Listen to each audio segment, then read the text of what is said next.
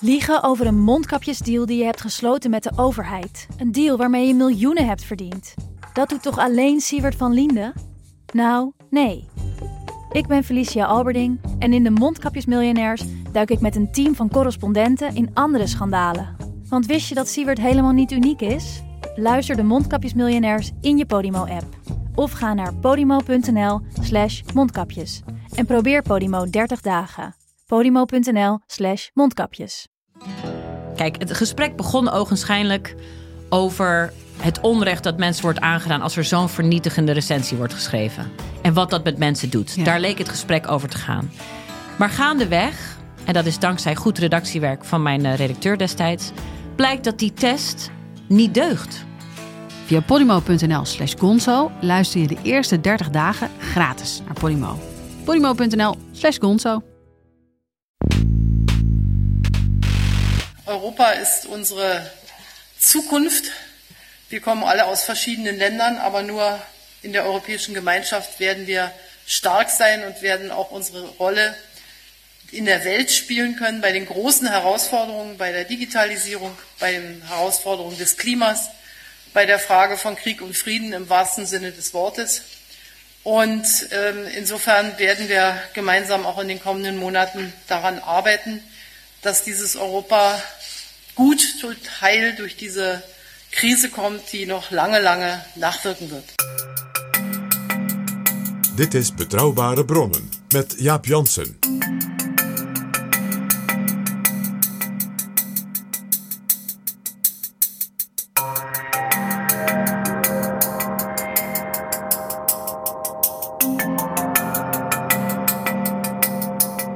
Hallo, welkom in Betrouwbare Bronnen, aflevering 122 en welkom ook PG. Dag Jaap.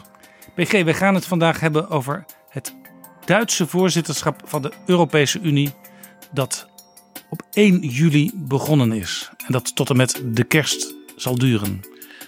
Elk half jaar is er een lidstaat die zeg maar, het voorzitterschap heeft van alle ministerraden en alle vergaderingen eh, zeg maar, hè, rondom alle grote onderwerpen. Eh, de Europese Raad van Regeringsleiders, hè, dat doet Charles Michel als de vaste voorzitter.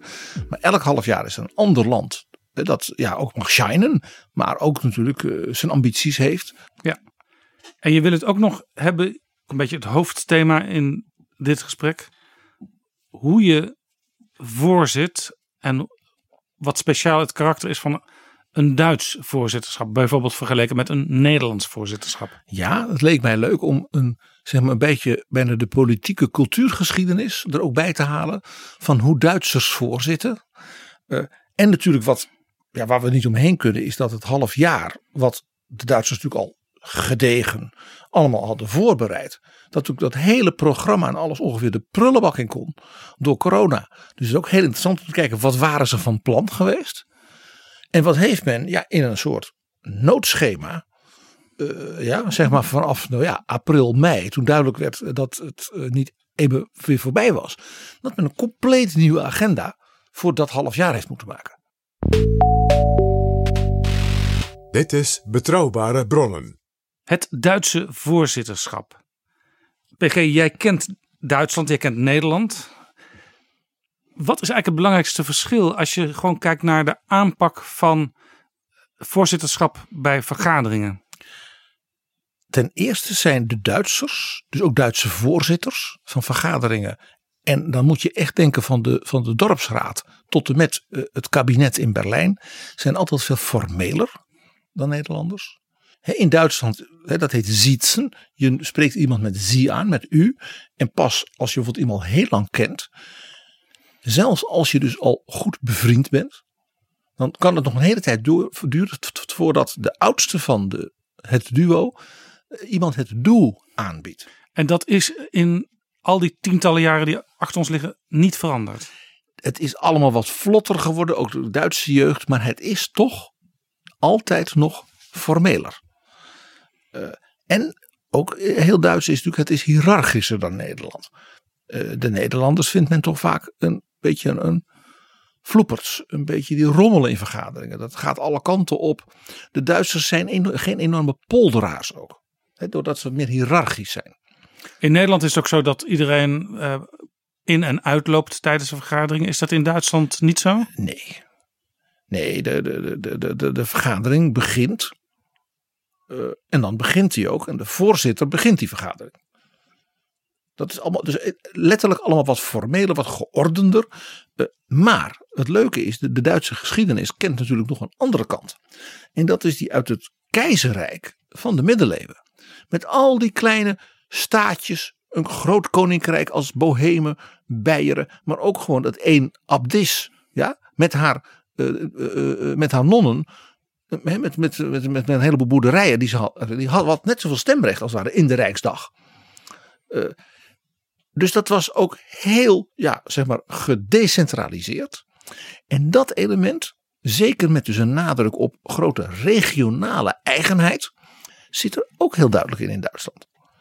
Eh, dus dus je, zult, je zult ook vaak hebben dat als er bijvoorbeeld iets is waarbij allerlei verschillende delen van Duitsland bij elkaar komen, zeg maar een Beier en een Hamburger en een Schwabe en een Hessen, dat men dan als het ware die eh, regionale diversiteit als het ware in die vergadering ook meeneemt. Dus aan de ene kant dus wat, wij zouden zeggen wat hiërarchischer, misschien zelfs wat autoritairder. Aan de andere kant misschien ook wel weer diverser. Eh, eh, eh, laat ik zeggen, met veel kleuriger dan wij gewend zijn. Wij hebben in Nederland naast de Tweede Kamer de Eerste Kamer. In Duitsland heb je naast de Bondsdag de Bundesraad. Ja. En dat is de vertegenwoordiging van de deelstaten. En dat is ook wel iets anders gaat dat eraan toe dan in Nederland. Ja, de, de Duitse Bundesraad bestaat dus uit een optelsom van vertegenwoordigingen van de regeringen van eh, dus de verschillende 16 lender. Dus dat is heel spannend vaak. Het kan dus zijn dat de regering in, van bijvoorbeeld mevrouw Merkel nu, of daarvoor van meneer Schreuder, dat die dus in de Bondsdag een meerderheid heeft. Maar dat door de, zeg maar, de, de, de machtsverdeling in die verschillende deelstaten, bijvoorbeeld de oppositie de meeste minister-presidenten levert. Of, een of er coalities zijn van een deel van de oppositie met een deel van de regering. Dus dan gaan de Duitsers op hun manier wel een beetje polderen. En dat heet dan in Duitsland dat je dus respecteert der federalismus. Ja. Dan gebruiken ze de term dus, je respecteert dus de, de federale structuur van de Duitse staat en de Duitse politiek. Dus dan moet je elkaar ook wat gunnen en wat laten. Maar dat kan dus eh, in bepaalde situaties politiek dus uitermate spannend zijn.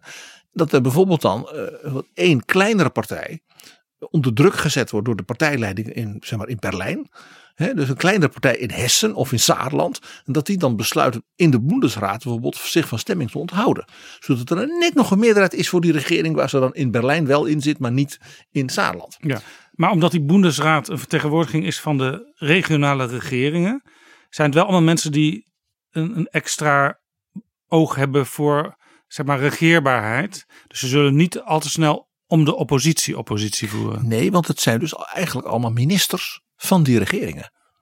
Het zou een beetje zijn als in Nederland dus de, eh, de commissaris des Konings en de gedeputeerden, dat die samen de Eerste Kamer vormen. Ja. Kun je een voorbeeld geven van waar het wel eens heel spannend is geweest in de recente geschiedenis? Ehm, ja, de- een heel mooi voorbeeld is de regering in Berlijn wilde dat federale systeem vanuit de grondwet van 1949 moderniseren. En dat betekende onder andere dat dus de, eh, de bondsregering in Berlijn, die zei wij willen kunnen meesturen met het beleid van zeg maar, de scholen, de universiteiten en dergelijke in Duitsland. Dan denk je nou natuurlijk doen ze dat. Nee, in Duitsland is dat Länderhoheit. Dat is dus alles wat te maken heeft met onderwijs.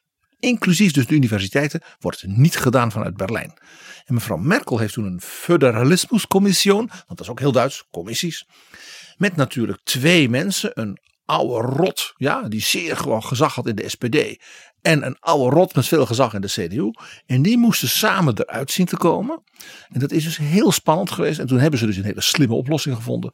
Nou, van nee, de, minister van Onderwijs in Berlijn mag zich niet bemoeien met zeg maar, de regelgeving en het beleid in Beieren en in Zaksen en in Bremen.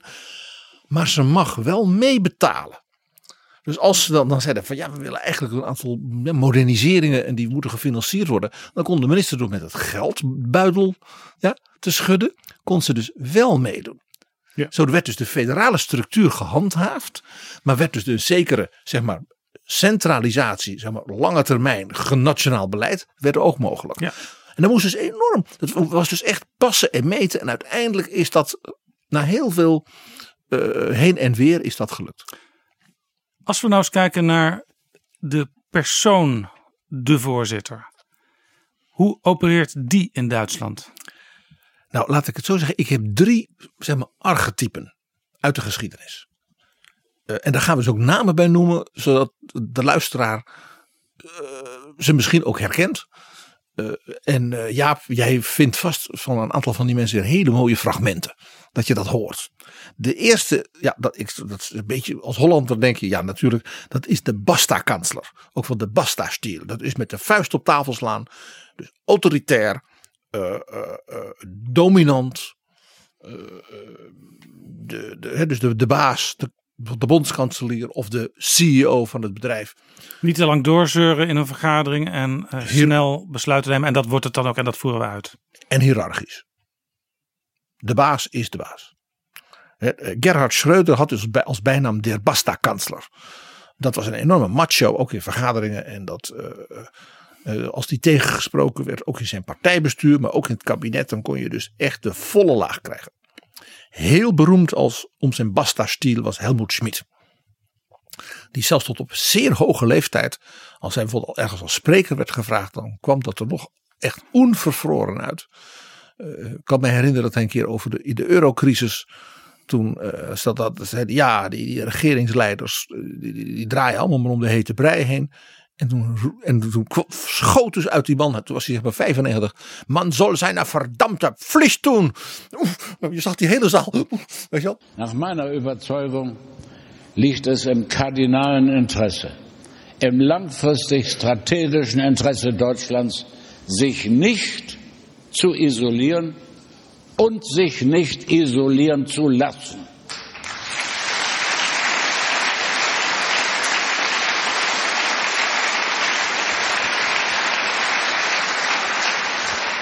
Eine Isolierung innerhalb des Westens wäre gefährlich. Eine Isolation innerhalb der Europäischen Union oder gar des Euroraumes wäre hochgefährlich. Für mich rangiert dieses Interesse Deutschlands eindeutig höher als jedwedes taktische Interesse aller unserer politischen Parteien.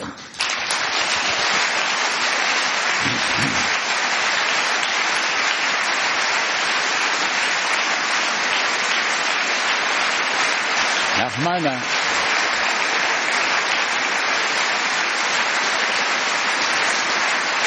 Nach meiner Überzeugung haben die deutschen Politiker und die deutschen Medien, sie haben die verdammte Pflicht und Schuldigkeit, diese Einsicht nachhaltig in der öffentlichen Meinung zu vertreten.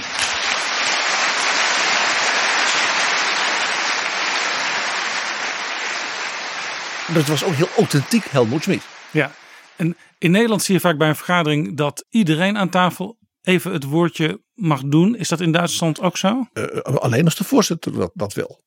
En, en in die zin, hè? Een, een, een rondjes van, nou, wat vind jij? Dat, dat, dat heb je dus niet bij zo'n Basta-kansler. Nee, want in Nederland heb je vaak dat eh, bijvoorbeeld Wim Kok die deed dat zo. Die liet iedereen aan het woord. Die had natuurlijk wel van tevoren een beetje bedacht hoe het zou moeten eindigen. Dan kon hij in de samenvatting kon hij het nog een beetje naar zich toe trekken. Maar hij gaf wel iedereen die dat wilde het woord. Wim Kok zal je straks zien, als je dus die Nederlanders vergelijkt met de Duitsers die we nu bespreken, die zat dus bij een ander type. Ja, De Basta-kansler type is in Nederland in de politiek niet zo effectief. Want wij zijn een polderland. Ja. Dus iemand die met, de- met, de- met, de- met, de, met de, de, de, de, met de mattenklopper vergadert, dat werkt niet zo nee, heel erg. dat wekt weerstand in Nederland. Ja. Is eerder averechts. De tweede type. Dat is een type dat kennen wij in Nederland wel een beetje. Maar in Duitsland met die sterk hiërarchische stijl. En ook mag ik zeggen de, de wijze waarop Duitse politici geacht worden. Ik zal maar zeggen eh, ook verbaal. Ja? Zeer goed ja? eh, voor de dag te kunnen komen. Dat kennen we meer. Dus de, de combinatie van vlijmscherp. Op het rand van, van vilijn en autoritair. Dus zo'n voorzitter die, waar iedereen een beetje bang voor is. Dus niet omdat hij met de vuist op tafel slaat, maar als je je zaakjes niet op orde hebt, dan krijg je dus een veeg uit de pan. Ja. Een beetje het imago wat eh, Bolkestein had toen hij fractievoorzitter van de VVD was. Dat zou inderdaad, ja, dat, ja, ja. Eh, ik moet heel eerlijk zeggen, ik heb als jong broekie Ruud Lubbers meegemaakt als fractievoorzitter. En die kon, die kon heel eh, eh, ja, doelgericht, zakelijk. Maar deze kant zat er bij hem ook in. Ik kan me herinneren dat een bepaald Kamerlid, zij zit nu in de Eerste Kamer, voor dezelfde partij, het CDA, dat hij daarvan zei, laat mij even mijn conclusies trekken, dan krijg jij daarna nog het woord. Maar ze is, Vilijn ze is toch niet definitief vertrokken uit de politiek. Daarna. Nee, dus ze ze had blijkbaar een eh, flinke uh, wat is het, eh, incasseringsvermogen. Nou, het voorbeeld natuurlijk hiervan in de Duitse geschiedenis, we hebben hem al een keer uitgebreid behandeld in Betrouwbare Man, is Konrad Adenauer. Ja. Die kon zo verschrikkelijk gemeen zijn. Eh, die had dus bijvoorbeeld ministers waar hij vond dat ze intellectueel, zal ik maar zeggen, toch eigenlijk een beetje tweede garnituur waren. Eh, dan placht hij dus in de ministerraad eh, zo iemand het woord te geven. En dan na twee minuten onderbrak hij hem. En dan zei hij: Ja, maar in bijlage 17 van dat stuk zie ik dat en dat en dat. En dat kan niet kloppen. En dan- zo'n arme minister. Ja? En als hij dan ook nog zei: Dat moet ik aan mijn ambtenaren vragen. Dan zei ik: Adenauer, doet u dat? Dan gaan wij door met vergaderen. En werd zo'n minister dus gewoon weggestuurd. En dan moest hij naar zijn ambtenaren naar bijlage 17 laten zoeken. Dat doe je niet te vaak als minister. Adenauer was, was een hele harde, in sommige opzichten ook cynische politicus. Eh, en het was ook een hele oude man. Eh, dus die was extreem ervaren en was ja opgegroeid als politicus in de keizertijd. Dus het was niet een hele grote democraat in de zin van hoe hij met zijn omgeving omging. Misschien een vreemde vergelijking, maar dit doet mij denken aan zoals Mark Rutte als minister-president heeft besloten toen hij aantrad. Hij wilde niet dat er gelekt werd uit de ministerraad, uit de voorbereiding ervan. Dus zodra er iets in de krant stond over een onderwerp wat aan de orde zou zijn komende vrijdag in de ministerraad, dan haalde die, dat had ik van tevoren gezegd, dat onderwerp van de agenda van de ministerraad af. En dat werd dan pas later besproken. Een soort straf voor de minister of de staatssecretaris dat het was uitgelekt. Dit heeft iets Adenauerigs. Ja. Op zo'n moment, ik beheer de agenda, niet jij. Ja. Dus- En dat is dus iets anders dan die basta. eh, met de vuist op tafel slaan. Ja, het is een klein tikje. Ja. En soms verbaal. En soms procedureel. Eh, en eh, Adenauer had daarbij dan ook nog natuurlijk die, die, zijn Keulse accent. Waarin hij dan van die kleine gemene opmerkingjes kon maken. Dat, ja, men had natuurlijk groot respect voor Der Alte. Maar ze waren allemaal toch ook wel een klein beetje bang voor hem hoor. Ja, zeker. Nou, er is natuurlijk in de geschiedenis, en dan gaan we toch iets verder terug in de geschiedenis, nog een ja, icoon van die vlijmscherpe, ook intellectueel vlijmscherpe, en dan ook nog bijna literair vilijn kunnen formuleren en autoritair. En dat is ook Otto von Bismarck. Ah ja. Otto von Bismarck, eh, de- daar kun je zelfs de kamerdebatten in de Reichstag van de 19e eeuw, die kun je gewoon nog lezen. Hij is zo helder. Ja, en ook zo, wij zouden bijna zeggen, zo modern. Eh, ik kan iedereen van harte aanbevelen zijn memoires, Gedanken und Erinnerungen. Want die, laat ik zeggen, dat, dat is een optelsom van heel veel van dat soort kleine portretjes van, van andere politici, van koningen. Eh, ja, en daar merk je dus die stijl van hem. Dus literair vaak heel knap. Dat ene woordje, maar dat je denkt, oei, daar krijgt iemand toch even een ja, draai om zijn oren in een bijzin. En dan denk je, zo deed hij dat dus ook in, als Is vergadervoorzitter. hij ook zelf kritisch? Eh, Bismarck was eh, zeer overtuigd van zijn eigen genie. En daar had hij ook reden toe. Dat gaat vaak samen hè, bij zo'n vlijmscherp autoritaire aanpak. Het heel grappig van alle Europese staatslieden met wie hij had onderhandeld. Bismarck had heel veel gereisd, sprak ook heel veel talen. Waaronder vloeiend Engels, wat in die tijd ongebruikelijk was. En dat leidde ertoe dat hij dus een merkwaardige politieke vriendschap had. Met de enige politicus in Europa die hij eigenlijk als zich, een soort gelijke van zichzelf beschouwde. En dat was Benjamin Disraeli. Ah. De eerste Joodse premier van Engeland.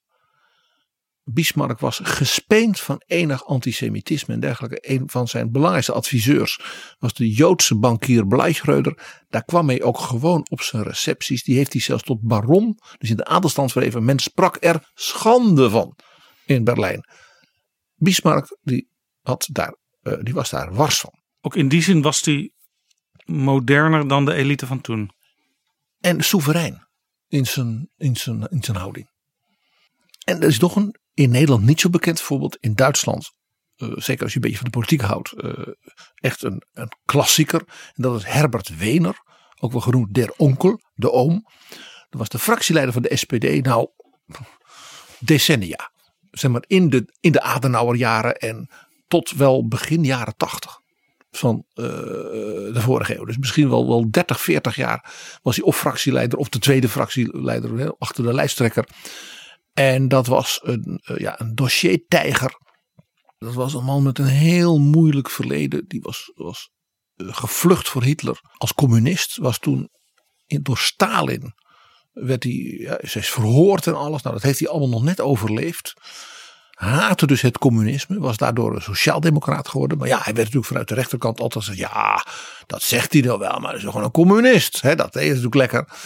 Uh, en had ook, nou ook in zijn privéleven veel verdriet uh, in die tijd meegemaakt. Dus die man had, ja, had heel veel meegemaakt. Uh, en die was zo berucht om zijn scherpe tong in vergaderingen, ook als voorzitter, dat hij als parlementariër zo vaak door de voorzitter dus het woord is ontnomen om wat hij zei over anderen, met name bij interrupties en zo, dat dat werd bijna een soort cult element. En er is ooit een boekje gemaakt toen hij voor de 200ste keer, geloof ik, uh, geschorst werd in een debat. Omdat hij weer iets had geroepen over iemand van een andere partij. En toen hebben de jonge medewerkers, wat was ook een oude man inmiddels, van zijn partij. Die hebben een boekje gemaakt van de, de 200 uh, scheldkanonades en, uh, en schorsingen van de Onker. Dat is een, echt een, een collectors item. Ja, en hij, hij was daarin dus uitzonderlijk. Als ik nu wel eens naar de uh, Bondsdag kijk, dan vind ik het vrij saai. Heb ik daar gelijk in? Ja, maar dan de, de, de technische debatten zijn saai. De Bondsdag heeft natuurlijk heel veel leden. Ja. Dus dat is een, nee, maar ook, relatief kleine ja. commissie. Dus dan heb je relatief weinig mensen in die, enorm, in, in die enorme zaal. Uh, de grote debatten, zal ik maar zeggen. Uh, hè, want als je bijvoorbeeld een regierungserklärung hebt, hè, waar dus Merkel dan hè, namens de regering een soort wij zouden zeggen, een soort algemene beschouwingen over hè, Europa, over de financiën. Uh, dat is in Duitsland wat anders georganiseerd in het parlement. Dan zit het echt helemaal vol. En dan kan het kolken hoor. Maar in die zin wel vergelijkbaar met de algemene beschouwingen in Nederland. Nou, met dit verschil. Bijvoorbeeld in het Duitse parlement wordt geapplaudisseerd. En ook uh, schande en bar geroepen. Maar er wordt weer niet of minder geïnterrumpeerd. Er staan geen interruptiemicrofoons. Nee, de interrupties, die, dat, dat is bijna, dat, je moet dat, dat moet je als het ware de, de, uh, uh, met hand opsteken. En de voorzitter van het parlement, dat is dus nu Wolfgang Schäuble, heeft dus op dat, in dat opzicht hele grote bevoegdheden. Die mag dus gewoon zeggen, nee, u gaat niet interrumperen. Want de minister of de, de, die, die andere partij, die moet zijn verhaal kunnen doen. Dat wordt soms in Nederland wordt dat ook gedaan, maar dan wordt het van tevoren door Kamervoorzitter Khadija Ariep gezegd. Uh, zullen we afspreken dat de minister eerst zijn statement kan maken, dat hij eerst, laten we zeggen, 10 minuten kan spreken. En dat we niet interrumperen. Maar dat moet al van tevoren worden afgesproken. En dan is het vaak zo dat ministers zeggen: Ja, ik heb een blokje. En dan mag je dan aan het eind van dat blokje interrumperen of zo. Dat, in Duitsland is dat ook hier weer, wat van het begin allemaal wat formeler. En ook wat hiërarchischer. He, dus Wolfgang Schäuble en ook zijn voorganger als, als voorzitter van de Bundestag heeft dus een grote bevoegdheden. Ook, en van de voorzitter van de Bundestag wordt ook sinds de oprichting van de Bondsrepubliek een groot politiek moreel gezag verwacht. Dus de Bundestag-president die houdt ook uh, vaak dus voor toespraken op gedenkdagen en bij dat soort dingen. En dat is dan echt, uh, dat staat bijna op het niveau van de bondspresident. He, dus sommige ja. bondsdagvoorzitters ja. hebben dus bijvoorbeeld door die toespraken die ze hielden, uh, groot ook politiek moreel gezag ont, uh, verworven. Ja, jij noemde de Basta-stijl, je noemde de, de vlijmschep autoritaire stijl. Zijn er nog meer stijlen? Ja, er is er nog één en die, daarvan zeg ik, daar komt dus die, dat middeleeuwse keizerrijk naar voren. Nou, al die verschillende koninkrijkjes en, dat, en die Rijksdag moest dan toch onder voorzitterschap van de keizer tot een besluit komen. Dan had je ook nog die, de zeven keurvorsten. Nou, die, en dat is de modererende stijl. Dat lijkt een beetje op, op de Nederlandse stijl. Bijna een beetje polderend. Maar een beetje afwegen, oké, dus de, de, hè, die vinden dat en die vinden dat. Die stijl, zoals jij Wim Kok schetste, heel kenmerkend daarvoor was Willy Brandt. En Angela Merkel is natuurlijk, hè, die wordt ook echt genoemd die modererende kanslerin. En eh, ook heel interessant als je Kok en Merkel naast elkaar zet. Kok werd vaak verweten dat hij afwachtte en dat hij ook al een soort houding had van misschien als we er niet al te veel aan doen op dit moment, dan waait het probleem over. En Merkel wordt ook afwachtendheid verweten. En ook die wat in de ogen van sommigen wat kille afstandelijkheid van de beta-geleerden. En Wim Kok vond men toch ook vaak wat afstandelijk en wat kil. Verder was natuurlijk het verschil enorm, want Kok was een hele lange man. En mevrouw Merkel is een heel klein vrouwtje. Ja, en met Kok, ik heb het wel eens een aantal keer geprobeerd hoor. Was het ook moeilijk, zeg maar in de hoek van een grote zaal, bijvoorbeeld als je, als je daar stond en je stond daar ook, om een beetje over koetje en kalfjes te praten. Dan eh, had ik kort wat antwoorden en dan was het gesprek alweer voorbij. Ja, ja eh, Merkel uh, kan, zoals de Duitsers zijn, zeer gezellig zijn. In kleine kring. Ik heb één keer na een toespraak die ze heeft gehouden, ben ik bij haar geroepen. Omdat het antwoord op die toespraak van een Nederlandse politicus haar zo had getroffen. Toen heeft die politicus gezegd, ja hij heeft dat geschreven. Toen moest ik erbij komen. En dat was dus vanuit haar inhoudelijke belangstelling. En wat mij dus opviel toen, is dat je dan ook de ruimte van haar kreeg. Vanwege, zij was geïnteresseerd in de inhoud. Hoe kwam u ja, daar zij zo wilde bij? dus ook gewoon naar de bron van het verhaal. En dat was dus buitengewoon, buitengewoon hartelijk, heel Ja. charmant. Ja. eh, maar duidelijk eh, doelgericht. Het Ja. was niet voor koetjes en kalfjes. Eh, dus ik werd ook bedankt. En, maar nou, in die zin is zij dan niet extreem hiërarchisch. Want je hebt ook in Nederland wel ministers die nooit met eh, de wat lagere ambtenaren spreken. Terwijl je hebt ook ministers die willen juist ook de, de 30-jarige ambtenaar die eh, het rapportje geschreven heeft spreken. Ik ken een minister van Onderwijs, I.A. Diepenhorst. Die placht gewoon door het gebouw van het ministerie te lopen. En dat was nog in de tijd dat de televisie nog niet overal was. Dat die mensen helemaal niet wisten dat die meneer de minister was. en dan liep hij naar binnen en dan zei hij, wat doet u zo al? Ja. En dan ging hij gewoon s- een kopje koffie drinken bij zo'n afdeling. En dan zat hij met een paar van die ambtenaren te praten. En dan hoorden ze achteraf, dat was de minister. Ja, ja. Je hebt ook eh, departementen die zijn zo hiërarchisch ingesteld dat daar enorme paniek ontstaat als een minister zomaar, zeker een nieuwe minister, zomaar zoiets doet. Zeker, zeker. Eh, maar, maar Merkel ik kan dus hè, aan de ene kant die, wat ik altijd zeg, hè, die, die, die ingetogen beta-geleerde, de domineesdochter, hè, altijd wat, wat afstandelijk.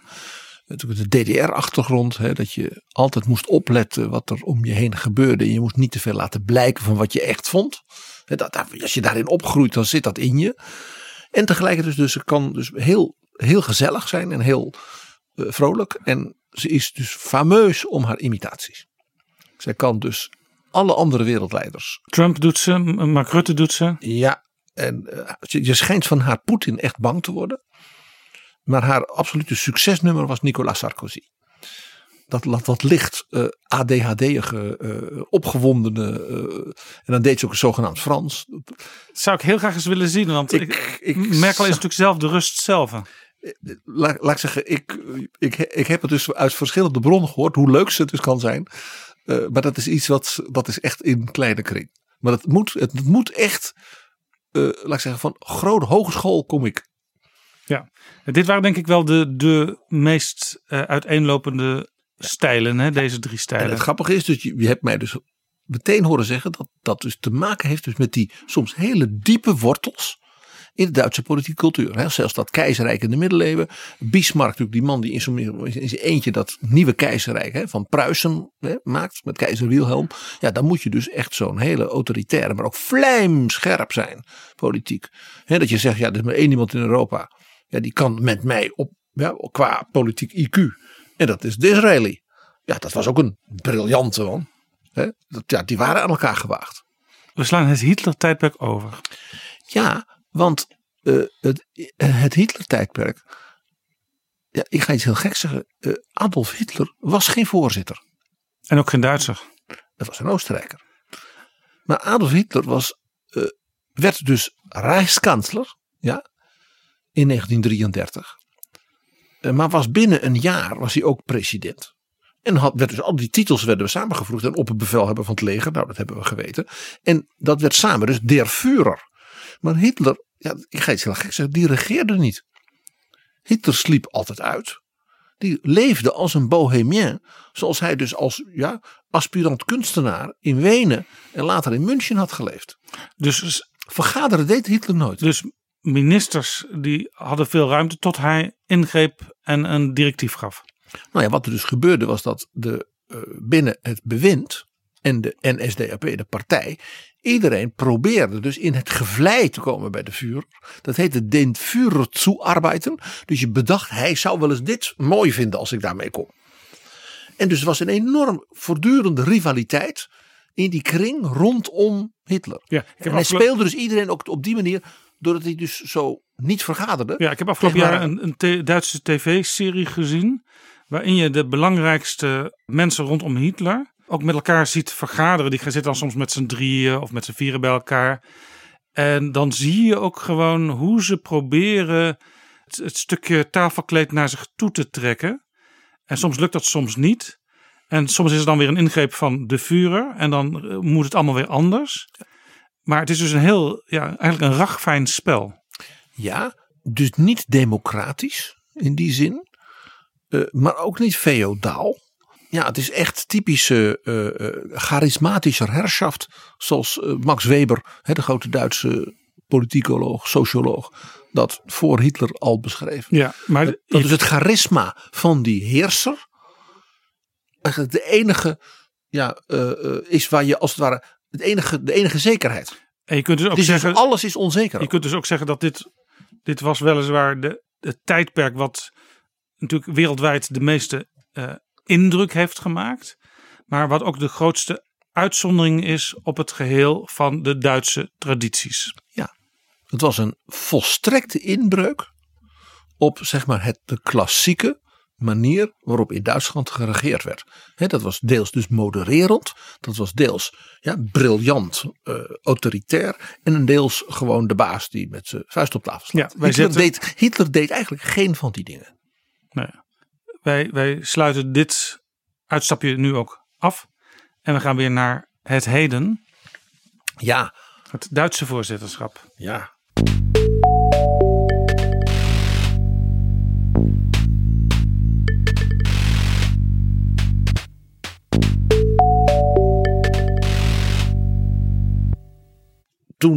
Je de agenda van de Europese Unie zag, hè, zeg maar een jaar geleden. Toen hadden we de Europese verkiezingen. Toen trad dus de nieuwe commissie aan onder leiding van Ursula von der Leyen. Je kreeg Charles Michel, je kreeg eh, Christine Lagarde. En toen zeiden ze, nou dan komt dus dat eh, eh, Kroatische halfjaar. Dat is mooi, dat land doet voor het eerst. En dan komt het halfjaar met Duitsland. En zeiden ze, nou kijk maar naar de agenda. Dat is natuurlijk in belangrijke mate het, ja, het afscheidsfeest van Angela Merkel. Ja, we hebben ook een aflevering van Betrouwbare Bronnen gewijd, aflevering 16 was dat, aan de wijze waarop Angela Merkel haar afscheid uit de politiek voorbereidde. Ja. En dit zou, als je keek ongeveer naar hè, de, de, de, de, de verhoudingen. Hè, het tweede halfjaar van 2020. Nou, 2021 hè, kwamen er dan verkiezingen in Duitsland. Dus ze mocht nog één keer zeg maar gloriëren op het Europees toneel. En dat werd haar door iedereen ook gegund. Ja, ja. En daar kwam natuurlijk nog iets bij. Het is het halfjaar waarin alles ongeveer herdacht wordt. Ja, wat ertoe doet. De val van de muur. Het aantreden van Solidarność. Het, ja, de, de verkiezing van Václav Havel. Dus in een heleboel landen in Midden- en Oost-Europa is het dus ook een moment van, ja, van, van, van herdenken.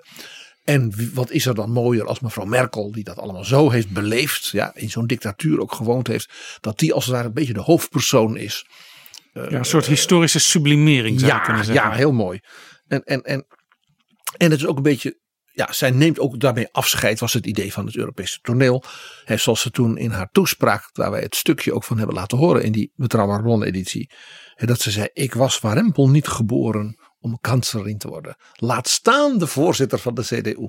En nou, dat is een beetje dus ook van, hè, wie had ooit kunnen denken dat deze uh, uh, ja, beta-geleerde van de Academie van Wetenschappen uh, van Oost-Berlijn, dat die ja, de, de, de, de dominante figuur, hè, de leader of the Free West, zou zijn. Het is ook een onwaarschijnlijk levensverhaal. Dat kun je nu al vaststellen. Nou, dus het was een soort tournee van Merkel. Het was een optelsom van mooie nationale en Europese ceremonies. En de nieuwe commissie en Michel en Lagarde waren dus allemaal net goed ingewerkt. Dus men kon aan de slag. En het mooie was natuurlijk dat je dan een voorzitter had hè, in dat half jaar. Dus de Duitse regering met mensen als Olaf Scholz en Peter Altmaier en Angela Merkel. Waarvan je dus weet, ja, dat, die kunnen dat. Ja, ik zag deze week een foto uit 2007 van een Europese top. Waar eigenlijk iedereen van verdwenen is inmiddels. Maar Merkel die stond daar en Merkel is er nog steeds. Zij is dus de meest ervaren in het Europese spel. En ook in de G7 en de G20 en dergelijke. De agenda die men zich dus had voorgesteld. Die was ook helemaal toegesneden. Dat hadden die Duitsers natuurlijk heel goed, goed gedaan. Op Merkel. Twee dingen waarvan je denkt, ja dat is Merkel. Dat wil zij in dat half jaar nog. Het eerste was een groot geopolitiek thema. Ze zou organiseren de topconferentie van China met de EU. Mevrouw Merkel heeft iets met China. Ze ging als kanselier nou, zeker twee keer, soms drie keer per jaar op bezoek. Dan uh, voor overleg, dan voor met een Duitse handelsdelegatie, dan met bijvoorbeeld alle universiteiten, dan met een kunstding. En dan was ze altijd bij uh, de premier, maar meneer Xi ontving haar ook altijd. En daarvoor meneer Hu Jintao en zo. De nieuwe zijderoute die loopt ook door Duitsland. Ja, uh, Merkel heeft dus daar oog voor. En daar kan nog bij dat, hoe zal ik dat nou netjes zeggen? Merkel had de voorbije jaren met Poetin en nu met Trump, eh, maar ook met mensen als Erdogan, eh, een beetje het idee gekregen: er zijn in de wereld eigenlijk twee volwassen, cultureel gearchiveerde mogendheden. Dat is China, met zijn eeuwenoude cultuur, en, ja, en Europa. En als die twee nou voor de grote dingen op wereldschaal, vrijhandel, uh, en dergelijke elkaar vinden, dan kunnen ze met z'n tweeën die andere uiteindelijk aan. Was ze daar misschien wat naïef in? Want tegenwoordig kijken wij toch naar China als een land dat ja, op slinkse wijze eigenlijk de wereldmacht wil overnemen en ook ons wil uh, afluisteren op allerlei manieren. Nou ja, je zou kunnen zeggen dat ze realist was. Want kijk, Europa is 500 miljoen. Uh, China is ietsje meer. Uh, maar ja, dat is toch echt meer dan die krimpende 140 miljoen van Poetin. Hè? Om het eens even bruut te zeggen. Uh, dus in dat opzicht is dus Europa als ja, kerncontinent van economische welvaart, uh, kennis, ja, bedrijvigheid, cultuur. Natuurlijk voor China wel een partner waar je nou, met respect mee omgaat. Ja, en aan de andere kant is het ook zo dat, je, dat, dat het goed is om je aan China te spiegelen want zij gaan natuurlijk steeds sneller in technologische vooruitgang. En Europa moet proberen dat bij te houden of misschien wel weer op een bepaald moment te overvleugelen.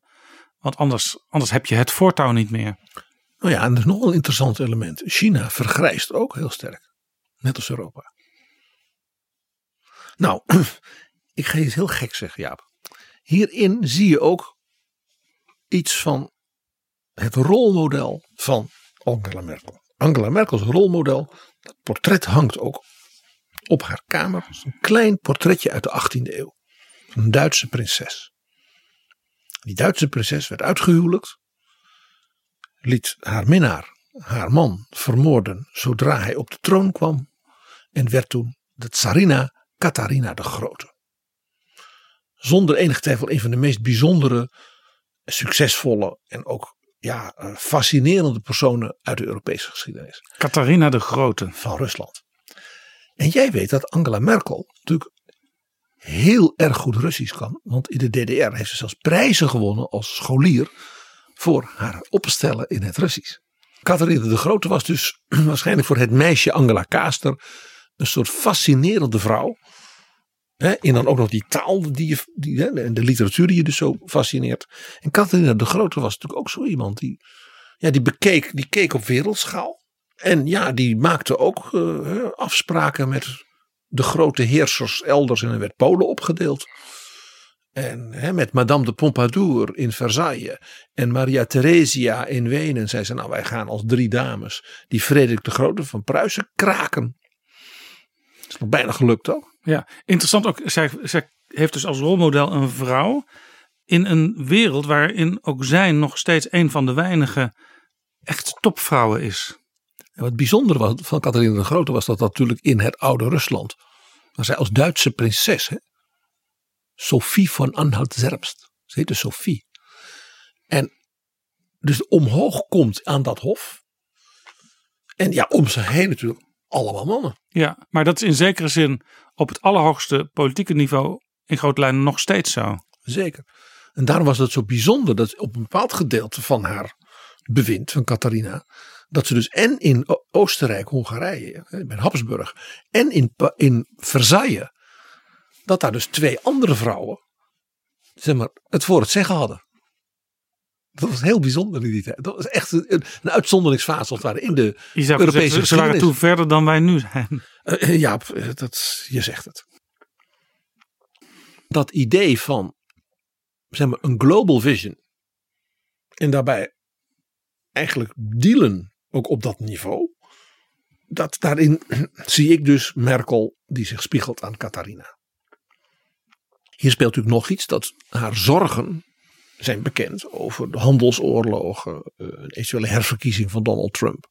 Dus ook daarin is natuurlijk het idee, als wij met de Chinezen als daar een, nou ja, een, een, een, een raison d'être vinden, dat we elkaar een beetje begrijpen, dat we elkaar ook een beetje in, in onze waarde laten. Ja, dan kunnen we misschien de Amerikanen ook wel weer bij zinnen krijgen. En kunnen we ook Poetin een beetje koest houden.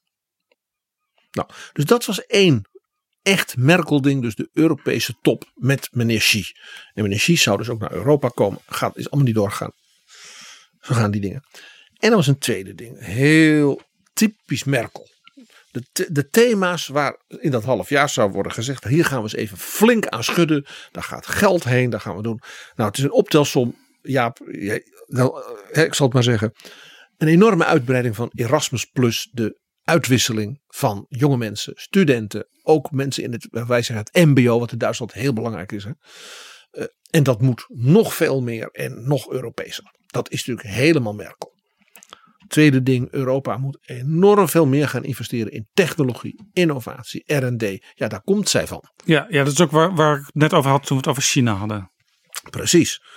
Uh, nou, bijna voortbouwend op de Humboldt-reden van Wopke Hoekstra die daar ook op wees. Europa moet op dat punt gewoon drie, viervoudig gaan investeren. Ook een typisch Merkelpunt. Het kan allemaal wel wat slanker. Dus ontbureaucratisering, soepeler. Uh, is dat eigenlijk ook een beetje wat Frans Timmermans deed in zijn eerste periode als Europees commissaris? Want toen was hij ook speciaal belast met minder regels in Europa. Ja, dat is een, echt, een, echt een Merkel-ding. En er is altijd wel overal de vraag of dat ook werkelijk gelukt is. Timmermans zelf zegt van wel. Maar we gaan, volgens Merkel konden we nog wel even mee doorgaan. En uh, een heel interessant punt. Waarbij natuurlijk ook ja, de positie van Duitsland als industrienatie. Ja, en als kennisnatie. Ja, ja, eigenlijk al vanaf dus de 19e eeuw. Hè, uh, in het geding is. En dat is het zogenaamde Europese kampioenenbeleid. Hoe beschermen wij, ook met China, hè, de topbedrijven in Europa. Technologie, wetenschap, uh, RD, innovatieve bedrijven. Ook in Duitsland typisch die familiebedrijven. Ja, met een enorme technologisch specialisme. Hoe, hoe bescherm je die in een ruige wereld? Hè, zoals die nu in toenemend aan het worden ja, is. De, de Duitsers waren, Peter Altmaier heeft het daarover gehad in uh, Betrouwbare Bronnen. Die waren daar al een, hele tijd geleden mee bezig. Maar de Europese Commissie heeft dat steeds afgehouden. Er was bijvoorbeeld toen sprake van een fusie tussen Siemens en Alstom. Dat ging over snelle treinen. Maar nu nu we toch in een soort crisis terecht zijn gekomen, economische financiële crisis door corona, zie je ineens dat er veel meer aandacht is bij allerlei Europese lidstaten en ook bij de Europese Commissie. Om toch eens te gaan kijken, moeten we niet wat meer aan Europees industriebeleid doen? Ja, Peter Altmaier zei het al in het gesprek met ons. Wie het nog nadrukkelijker zei, we hebben er ook met z'n tweeën flink over gediscussieerd, was natuurlijk Manfred Weber. De lijsttrekker van zeg maar, de Christen-Democraten in Europa voor de Europese verkiezingen. En toen was dat echt een groot thema. Toen hebben we hem ook weer gevraagd van Peter Altmaier zegt dit. Maar de Europese Commissie uh, met zijn opponentenlijsttrekker Mar Margaretha Vestager. Die zijn wat liberaler. Die, eh, en hij zat dus duidelijk op de lijn van meer van Altmaier. Ja, je bedoelt liberaal in de zin van uh, de markt moet zijn werk doen en de, de commissie is dan marktmeester, maar die gaat niet interveneren om bepaalde uh, bedrijven of industrieën voor te trekken. Het is heel interessant dat we, nou Jaap, een jaar, dik een jaar na die gesprekken met Altmaier en Weber, die waren in januari, februari van uh, 2019, we dus een, een duidelijke ja, wende, om het in het Duits te zeggen, wat betreft de koers van uh, van Europa, zowel de nationale staten als de commissie. En dat is meer in de lijn dus van Peter Altmaier en Merkel. Ja, heeft misschien ook iets mee te maken dat de voorzitter van de commissie een Duitse mevrouw is, Ursula von der Leyen. En een partijgenoot. En zij komt natuurlijk beiden. uit uh, het kabinet waar wat daar al over sprak. Ja, dat is heel interessant dus hoe, hoe wij nu als podcastmakers door de gesprekken die we nu toch hebben, we nu bijna, zijn bijna het einde van een tweede seizoen. En je ziet dus al door de gesprekken bewegingen. Politiek, geopolitiek zelfs.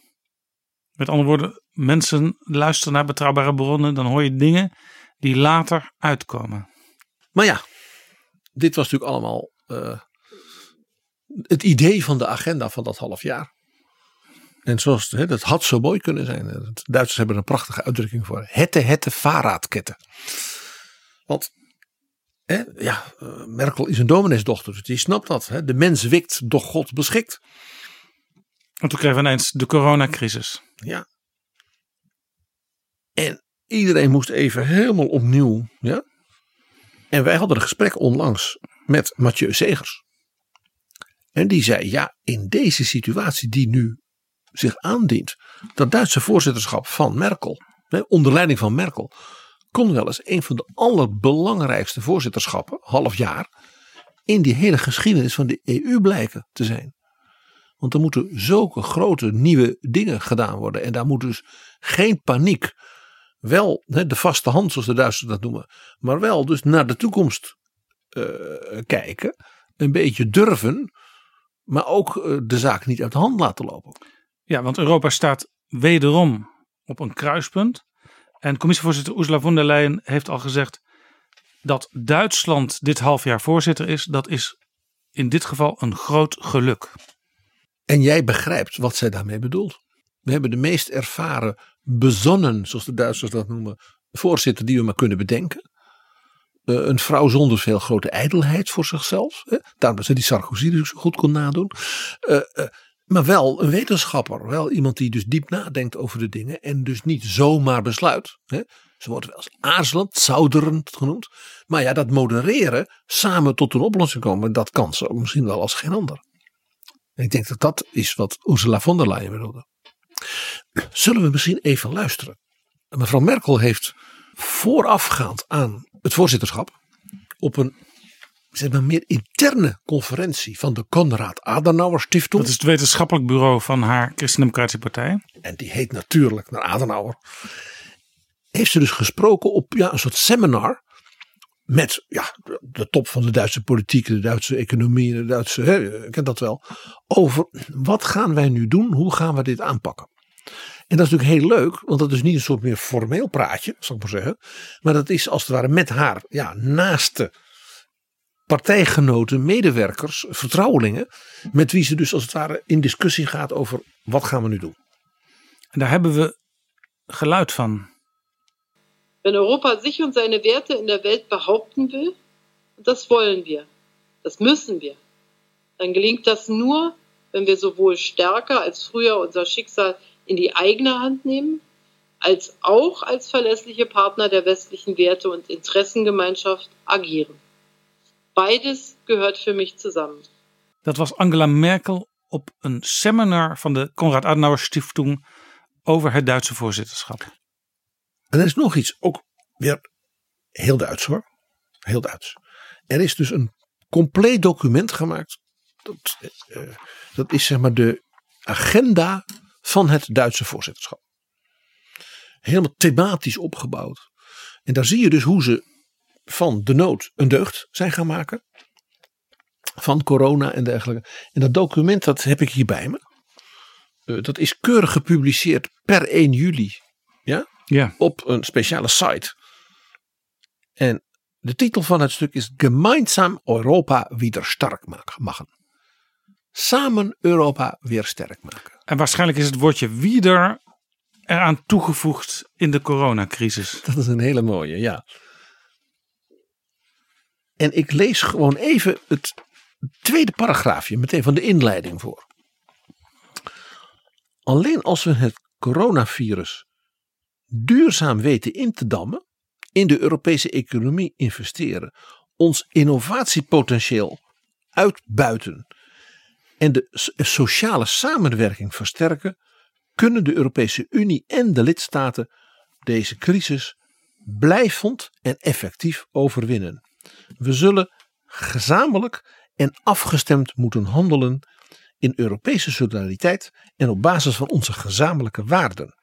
Samen kunnen we de zaak veranderen, zodat Europa onder bewaring van het principe van de subsidiariteit sterker, eerlijker en duurzamer wordt. Ja, subsidiariteit, het woord betekent dat je de dingen doet op het niveau waarop ze het beste tot hun recht komen en waarop ze ook het effectiefst zijn.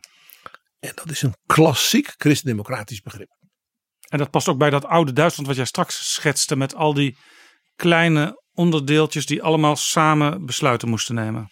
Het Duitse federalisme, zoals we dat noemen, ook in de Bondsrepubliek, hangt samen met dus de subsidiariteitsgedachte. Die lender doen dingen, de Kreis doet dingen, de gemeente doet dingen en de bond in Berlijn doet dingen. En dat moet je voortdurend, het is een piramide, maar ze moeten voortdurend met elkaar hè, afgestemd. Ja, en dit is ook een, een, een hoeksteen van de Europese gedachte. Anders dan sommige mensen die zichzelf eurokritisch noemen, eh, wel beweren dat Brussel alles naar zich toe wil trekken. Ja, het merkwaardige is dat vaak in die analyse, als je goed luistert, dan denk je dat zijn heel erg centralisten.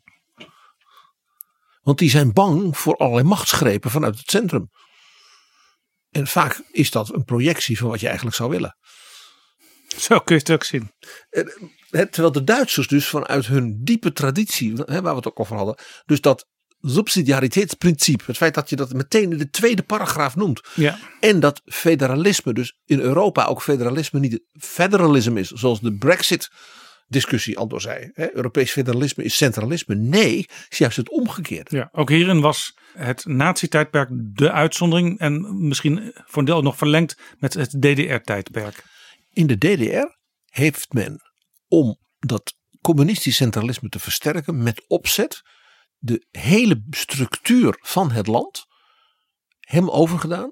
Heeft alle oude lender, dus Thüringen, Anhalt, Mecklenburg, allemaal kapot gemaakt.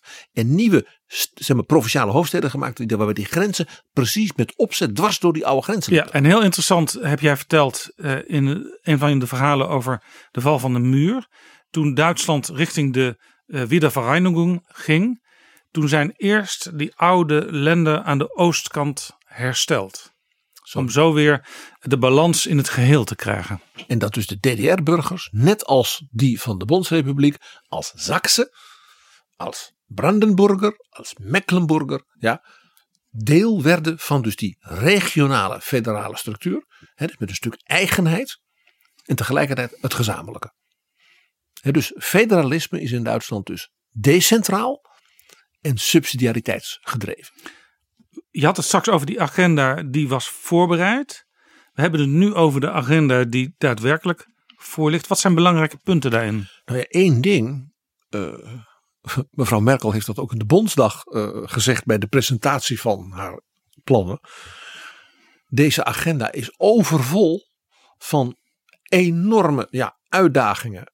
Geopolitiek, gezondheidszorg, financieel, diplomatiek. Je kunt het zo gek niet bedenken. De agenda zit overvol. En daarom dat Merkel ook een beetje geïrriteerd is over het feit dat dus die begroting van Europa niet gewoon op netjes op tijd is afgehandeld. En, en dat er ook voor het eerst in vele, vele jaren merkbaar sprake is van een zekere irritatie tussen mevrouw Merkel en Mark Rutte. Ja, ik heb geen haast, zegt Mark Rutte steeds. Eh, er was onlangs een top waar al van tevoren gezegd werd, nou ja, daar gaan we er niet uitkomen. Dat was ook zo'n vervelende beeldschermtop. Hè? Iedereen zit met zijn medewerkers in zijn eigen kamertje. Uh, en de komende top op 17 juli, die zal wel weer echt plaatsvinden in Brussel, zodat ze elkaar in de ogen kunnen kijken en ook af en toe bilateraal en trilateraal apart kunnen gaan zitten. Biechtstoelprocedure. Want dat werkt uiteindelijk toch het beste. Wat ik het meest opvallende vond, Jaap, in dit verband. Het Duitse voorzitterschap komt. Nederland wordt als lastig ervaren. Jij en ik zeggen, maar Moetie en Mark, hè, we hebben het er al eens een keer samen over gehad, over die hele bijzondere verstandhouding. Wie kwam er naar het torentje? Emmanuel Macron, een staatshoofd. Merkel is geen staatshoofd. En die kwam naar het torentje. Nou, dat was dus heel duidelijk een strafexpeditie van Duitsland en Frankrijk. En Merkel had zoiets van: ik heb het een beetje gehad met die Nederlanders. Uh, ga jij maar staatshoofd namens mij en zeg ze eens even flink de waarheid. Ja, want een, een, een, wat langere tijd geleden kwam Merkel zelf nog naar het torentje. En dat was echt een soort vriendschappelijke bijeenkomst. Dat was, wij waren daar beide bij. Dat was, ja, de ontvangst was van een hartelijkheid. Ja, overigens zie je bij Rutte dan ook weer niet een enorm verschil. Hè? Want Macron en Rutte gingen daarna eten in, een, uh, een, een, in de vleeshouwerij op Scheveningen. En de foto's daarvan, dat ziet er ook uit alsof het ja, gezworen kameraden zijn. Tuurlijk. Je blijft beleefd. Toch nog één ding, PG. Want Duitsland kijkt wat, wat, wat, ja, wat geërgerd naar Nederland, naar, naar Mark Rutte en naar Wopke Hoekstra. Maar alle waarnemers eh, zeggen toch ook dat Duitsland zelf een U-turn genomen heeft als het gaat om het Europese geld. De Europese begroting. Ja, uh, deze dagen, Jaap, was in de Bondsdag het grote debat over zeg maar, het nationale plan van de regering van mevrouw Merkel. Voor het ja, opvangen van de crisis. En daar werd besloten om uh, de begroting op te rekken. Nog in 2020 met 127 miljard. De Duitse begroting. Ja. En uh, de CDU en Peter Altmaier zeiden op Twitter: Dit doen wij dat doen wij met vertrouwen. Heel belangrijk, hè? dus niet paniek. En dat kan doordat zij de afgelopen jaren verstandig zijn geweest. En wij hebben gezorgd voor de schwarze nul. Ja. Oftewel een begrotingsoverschot. En dat is precies dezelfde methode die Nederland heeft toegepast. Waardoor Wopke Hoekstra in het begin van de coronacrisis ook kon zeggen: Ik heb diepe zakken. Uh, maar waar Nederland dus tegelijkertijd zegt: uh, Wij kunnen ons heel veel veroorloven. Maar Europa als geheel en zeker het, het zuiden kan dat niet. En Merkel zegt daarover: ik hou daar niet van om te praten over het zuiden, het noorden, het oosten. We hebben één gezamenlijk Europa en we hebben ook allemaal gezamenlijk belang dat de economie weer opleeft. En Merkel had ook zoiets uh, van: ja, maar die mensen die zo ziek zijn, die hoge bejaarden elders, dat is niet het zuiden. Dat zijn de opa's en oma's van lieve kinderen. En ze dat was, dat, ik ga het heel erg zeggen, hierin zeg je ook de domineesdochter. Ja, en ze zegt, dat virus, dat kun je niemand kwalijk nemen, dat overkwam ons allemaal. Dus dat moeten we ook gezamenlijk aanpakken. Dat zat dus ook in die tekst ja, van die openingspassage van we zullen dat dus samen moeten doen op basis van onze gezamenlijke waarden. Ja. Dus dat, dat is een economisch, ja, een economisch vraagstuk, het is een geopolitiek vraagstuk. Maar als je de je gezamenlijke waarden daar niet meer mee voor opzet, dan gaan we het dus samen niet redden. Wat ik heel interessant vond, vorige week had het Nederlandse tv-programma Nieuwsuur een verhaal over het Duitse voorzitterschap. En daar kwamen drie mensen aan het woord. Dieter Kemp, hij is de voorzitter van de Duitse werkgevers, zeg maar de Hans de Boer van Duitsland. Uh, Monika Schnitzer, zij is lid van de Economische Raad der Wijzen. En uh, Michael Rood, hij is de, de staatssecretaris voor Europese Zaken van de SPD. En zij zagen het alle drie als taak om de Nederlandse kijker uit te leggen hoe belangrijk het toch is om als Europa nu stappen vooruit te zetten en niet langer te lamenteren als het over die begroting gaat en dat Europese herstelfonds. Ja, heel opmerkelijk. Er is in Duitsland dus een breed gedragen uh, soort consensus. Hier zie dus ook weer die modererende stijl van Merkel als voorzitter.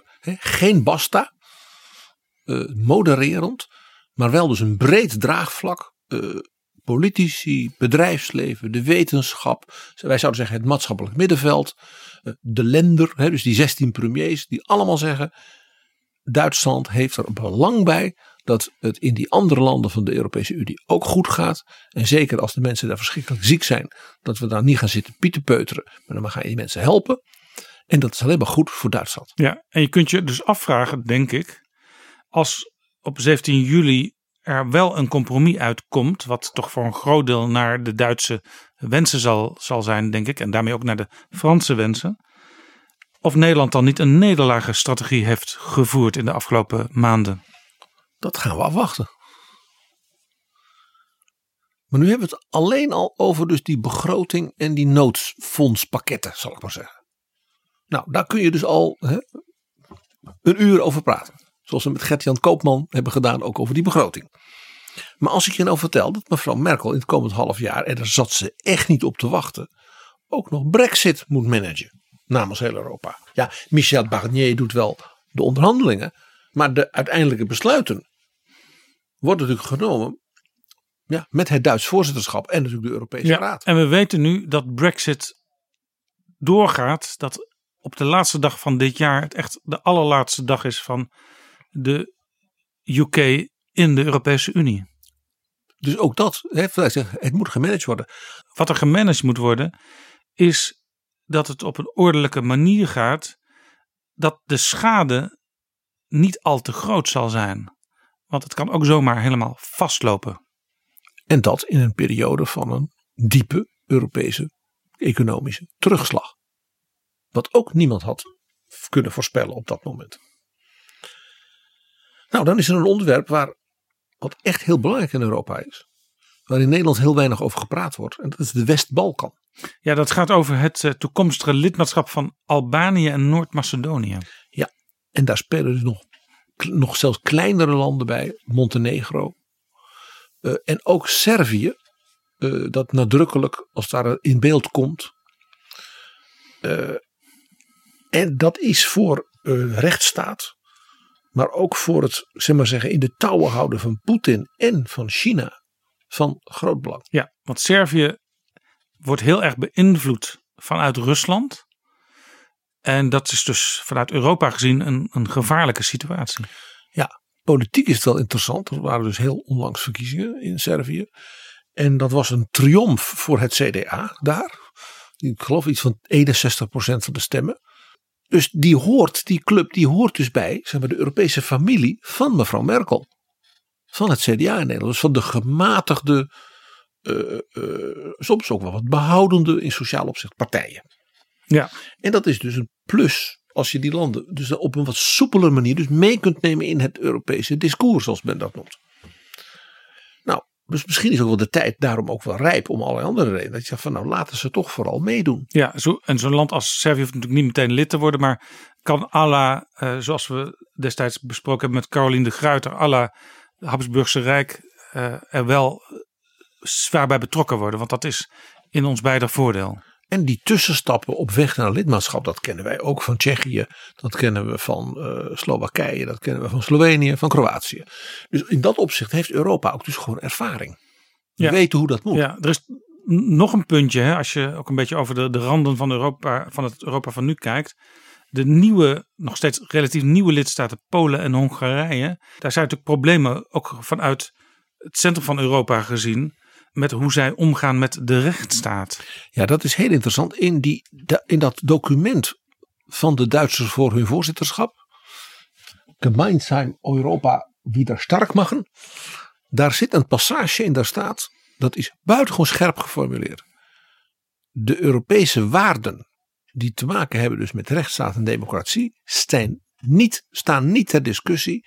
En de mechanismen die daarvoor bestaan in Europa, dat is dus artikel 7 zoals dat heet, en het Europees gerechtshof, die wordt dus expliciet genoemd, daar wordt dus niet op afgedaan Nee. in het Duitse voorzitterschap. Ja, en ik, Dat is een hele stevige formulering. ja, dat is heel interessant, want dat artikel 7, die procedure, die, die, die loopt nu.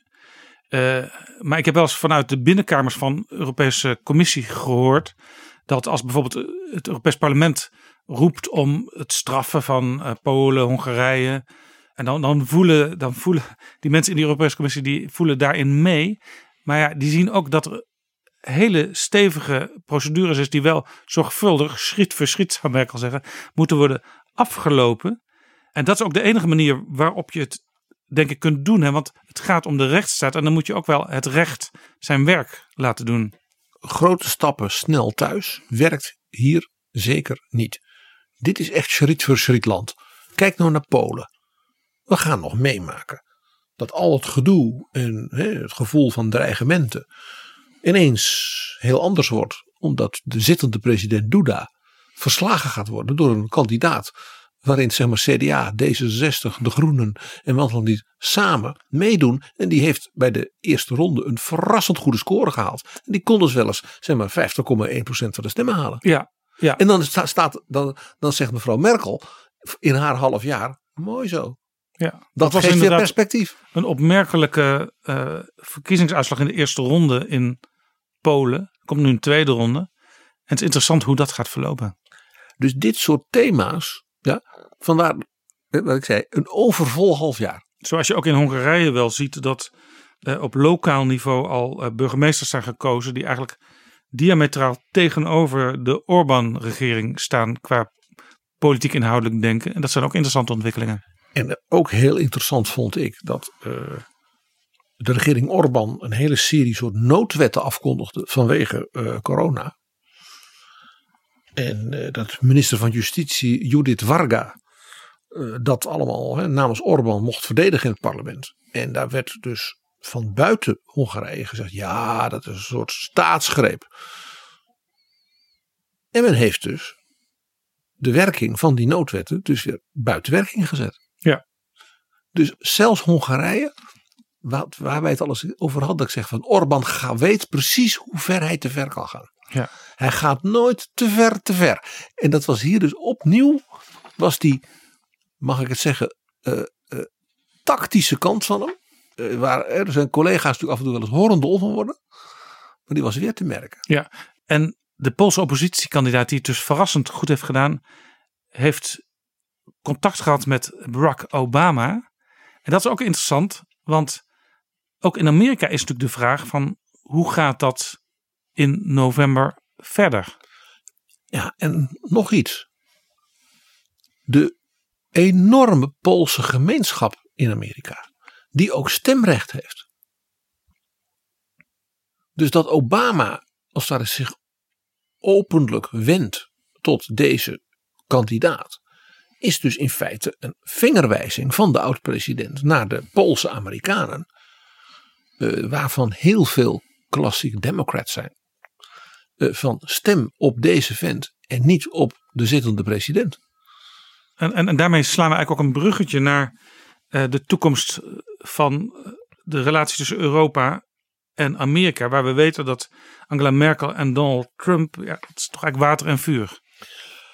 Nou ja, in datzelfde half jaar, eh, eh, overvol, probeer je even in te denken de week, de eerste week van november voor Angela Merkel. Dan weet ze dus dat ze aan het eind van die week de grote ceremonies heeft met hè, 30 jaar val van de muur. Dus er komt dus een groot natuurlijk, herdenkingsmoment in Berlijn.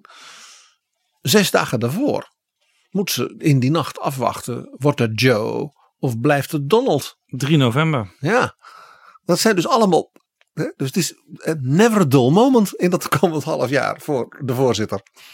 En dat men beseft hoe, hoe wezenlijk het is, blijkt ook weer uit dat document. gemeinsam Europa wieder stark machen. Want hoofdstuk 6 daarvan, dat gaat een handlungsfähige EU. Die voor partnerschap staat en voor een regelbaseerde internationale ordnung. Dus een rules-based international order. Ja, dat is interessant, want als je, zeker als je het in het Engels uitspreekt, dan zien we dat dat juist is waar alle uh, internationale watchers extreem bezorgd over zijn. Dat die internationale gemeenschap, die stukje bij beetje een samenwerking heeft opgebouwd, gebaseerd op regels, dat die de afgelopen jaren in elkaar aan het storten is. En wat schrijft nu dus het Duitse voorzitterschap? Onze geostrategische prioriteiten.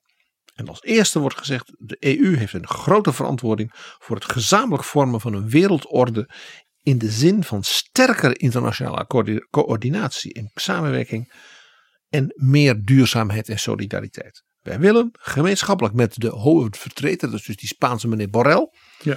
een omvattende en actieve samenwerking van de EU met de Verenigde Staten vormgeven. Met een brede politieke dialoog en een positieve transatlantische handelsagenda. Dit is dus eigenlijk al een voorbode van de verkiezing van een nieuwe president. Want alleen dan kun je dat werkelijk vormgeven, gezien de verhoudingen zoals ze nu zijn. En dat eindigt dan met een zinnetje, dat lees ik in het Duits voor, want dan, dan snap je. Die USA is onze engster außen- en sicherheidspolitische partner außerhalb der EU. Dus de Duitse regering zegt, buiten de EU zijn de Verenigde Staten onze belangrijkste buitenlandspolitieke en veiligheidspolitieke partner. Ondanks, zeg dus, maar. Dus, dus Merkel steekt hier voor dit half jaar zeer nadrukkelijk de hand uit naar Amerika. En zegt wij willen dus een hele brede politieke dialoog. Omvassende en actieve samenwerking, inclusief een positieve transatlantische handelsagenda. Dat laatste is natuurlijk onmiskenbaar eh, Peter Altmaier. Die zich enorm heeft ingezet in deze periode. Dat hij een goede relatie heeft met dus de Amerikaanse ministers zeg maar, die over de economie gaan. Met wie hij veel praat. Dus is, ik vond dit in die, dat hele pakket zo'n zinnetje, ook de plek waar het staat, als eerste geostrategische prioriteit. Dat is allemaal heel uh, veelzeggend. Ja, ook wel een beetje, we hadden het straks over China wijs geworden over de ontwikkelingen ook in de relatie tussen Europa en China. En toch ook wel een beetje de wens is in dit geval de moeder van de gedachte. Dat zou je zomaar kunnen zeggen, ja. Wat er nu ook nu toch aan staat te komen, is wat ik maar noem een compleet redesign van de Europese economie. Niet alleen door corona, maar ook nog het klimaatvraagstuk. Uh, en die werken op elkaar in. Ja, klimaat en digitalisering, dat zijn de twee pilaren. Ook dat nog. Dus ook hier weer hè, overvol. En ja, mijn oog viel toen op bladzijde 11 van dat stuk. Naar aanleiding van het gesprek dat wij met Wopke Hoekstra hadden over zijn Humboldt-reden. Dat hij zei, ja, op het, op het punt van de hervorming van zeg maar, de financiële structuur van Europa. Bankenunie en dergelijke. Werken wij heel goed samen met de Duitsers. Maar er zijn ook elementen waar we eigenlijk meer met de Fransen kunnen opschieten. Ja, Wopke Hoekstra dan met de Duitsers. Met, met Bruno Le Maire. Ja, dat is dat beeld dat Bruno Le Maire en ik, ook vanwege KLM en Air France, elkaar voortdurend dwars zitten. Natuurlijk heb je discussies, maar hij wou toen nogal benadrukken. Grote, echt heel grote dingen die te maken hebben met wat men noemt de financiële architectuur van Europa, doe ik graag met Le Maire. Ja, dat is dus interessant, want uh, vanuit Nederland denken we vaak, ja, we doen veel samen met Duitsland en minder met de Fransen, maar dat is ook wel aan het veranderen. Ja, en nou blijkt op bladzijde 11 in dat stuk dat de Duitsers een beweging hebben gemaakt. Want daar staat nu ineens, we willen de kapitaalmarktunie verdiepen om de financiering via de kapitaalmarkt te bevorderen en de Europese kapitaalmarkt verder te integreren en internationaal effectiever te maken. Dat zorgt voor betere financiering van de, zeg maar, de reële economie en strategische investeringen. En daarom ondersteunen wij ook de verdere ontwikkeling van de bankenunie.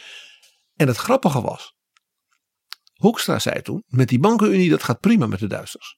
Maar die kapitaalmarkt, dat, is, dat doen ze heel ingewikkeld. En je ziet hier dus dat Duitsland zich ineens dus toebeweegt naar Frankrijk. Waarom was Duitsland daar aarzelend in oorsprong? Omdat in Duitsland het bankwezen ook zo gefederaliseerd is. En veel van die banken het helemaal niet goed doen. Nog steeds effect van de kredietcrisis. Ja, Ik begrijp overigens dat behalve Merkel en Emmanuel Macron, die een goede relatie hebben, ook Olaf Scholz, dat is de SPD-minister van Financiën, een goede relatie heeft met Bruno Le Maire. Dus dat kan ook helpen. Ja, het is dus interessant dat, het, dat dit punt waar dus Nederland als het ware met die twee landen, de ene wat meer dit en de andere meer dat, dat je bijna zou kunnen zeggen het polderen heeft misschien wel een beetje geholpen. Want de Duitsers en de Fransen bewegen nu beide als er op dit punt naar elkaar toe. En dat gaat natuurlijk om ja, de echte lange termijn financiële stabiliteit. Dus ook van de euro en van de hele Europese Unie. Dus het is een extreem belangrijk onderwerp. Zomaar ineens een kleine passage op bladzijde 11. En daar zijn die misschien toch ook al die herdenkingen. Hè? De herdenking ook van een man als Václav Havel. Uh, van Solidarność. Van uh, de dappere burgers in de DDR. Die zijn daar natuurlijk in dit half jaar natuurlijk ook belangrijk. En dat is ook het punt wat Jacques Delors zo vaak zei over Europa. Waar hij zich aan ergerde. Waar hij zei dat moeten dus die regeringsleiders ook meer doen. Maar ook de civil society in Europa meer doen. Hij zei dat Europa vult uw portemonnee maar niet uw hart. En juist als je herdenkt, dan kun je ook nog eens nadenken over de waarde van belangrijke momenten in de Europese geschiedenis. En zeker voor de mensen in Oost- en Midden-Europa. En dus ook iemand als Angela Merkel. Als ze denkt aan haar leven toen. En het leven van vandaag bij alle bekommernis. Maar dat je toch zegt van we hebben het ook op een bepaalde manier weer ongelooflijk goed met elkaar. Wij wensen het Duitse voorzitterschap, wij wensen vrouw Dr. Merkel veel succes. Uh, Jaap, we hebben voor onze luisteraars nog een, ja, een surprised guest. Want we hebben nu met elkaar gepraat, ook vanuit de geschiedenis. Hè? Adenauer, Bismarck, Helmut Schmid. Over Duitsers als voorzitters. Hoe doen ze dat nou? En we hebben een Duitser die een echte voorzitter is als gast. En die is de collegevoorzitter van de Universiteit Maastricht. Dus de eerste Duitser die de voorzitter is van een Nederlandse universiteit. Ja, we hadden onlangs de rector van de Universiteit Maastricht te gast, Rianne Letchert. En dat is dus een taakverdeling. Hè? Martin Paul hebben we het over, is de collegevoorzitter. Ja, en dat is een uh, bijzondere man. Het is een medicus. Uh, heeft in Amerika gestudeerd is daarna zeg maar, de chef geworden van het Academisch Ziekenhuis van Berlijn. Uh, dat was het, Academisch Ziekenhuis van de DDR. Dus dat moest helemaal natuurlijk van onder tot boven gereorganiseerd worden. En nieuwe structuren en wat dan niet. Dus dat is een, ja, iemand die, behalve dat hij een, goed medicus is, als bestuurder ook wel een kanjer. En ja, dat was klaar. En toen wou hij het wat anders. En toen is hij door de oud-minister Jo Ritsen, die toen de voorzitter was van de Universiteit Maastricht, naar dat academisch ziekenhuis in Maastricht gelokt. Want dan kon hij een heel nieuw, ja, eigenlijk een nieuw stuk innovatief uh, medisch onderzoek en ziekenhuis en wat dan niet opbouwen. En dat deed hij zo goed dat Jo Ritsen en dat bestuur hebben gezegd van waarom volg jij Jo Ritsen niet op als collegevoorzitter? Dus we hebben hier een Duitse wetenschapper en bestuurder die in een Nederlandse omgeving bestuurt en voorzit. En je begrijpt, het kan haast niet anders. Dat heeft zo zijn eigenaardigheden. We gaan met hem praten. Dit is Betrouwbare Bronnen. Een podcast met betrouwbare bronnen.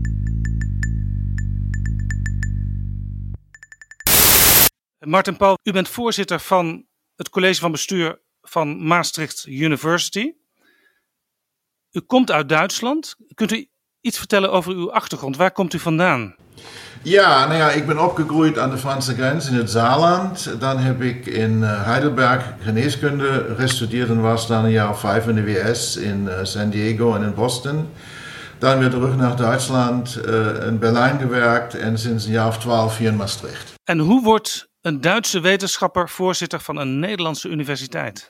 Ja, ik neem het aan, dat is een toeval. Ik was de eerste, trouwens ook buitenlandse voorzitter van een Nederlandse universiteit. En uh, inmiddels zijn er meer. Het was toen in Maastricht als internationale universiteit. We hebben natuurlijk altijd die internationale Europese traditie.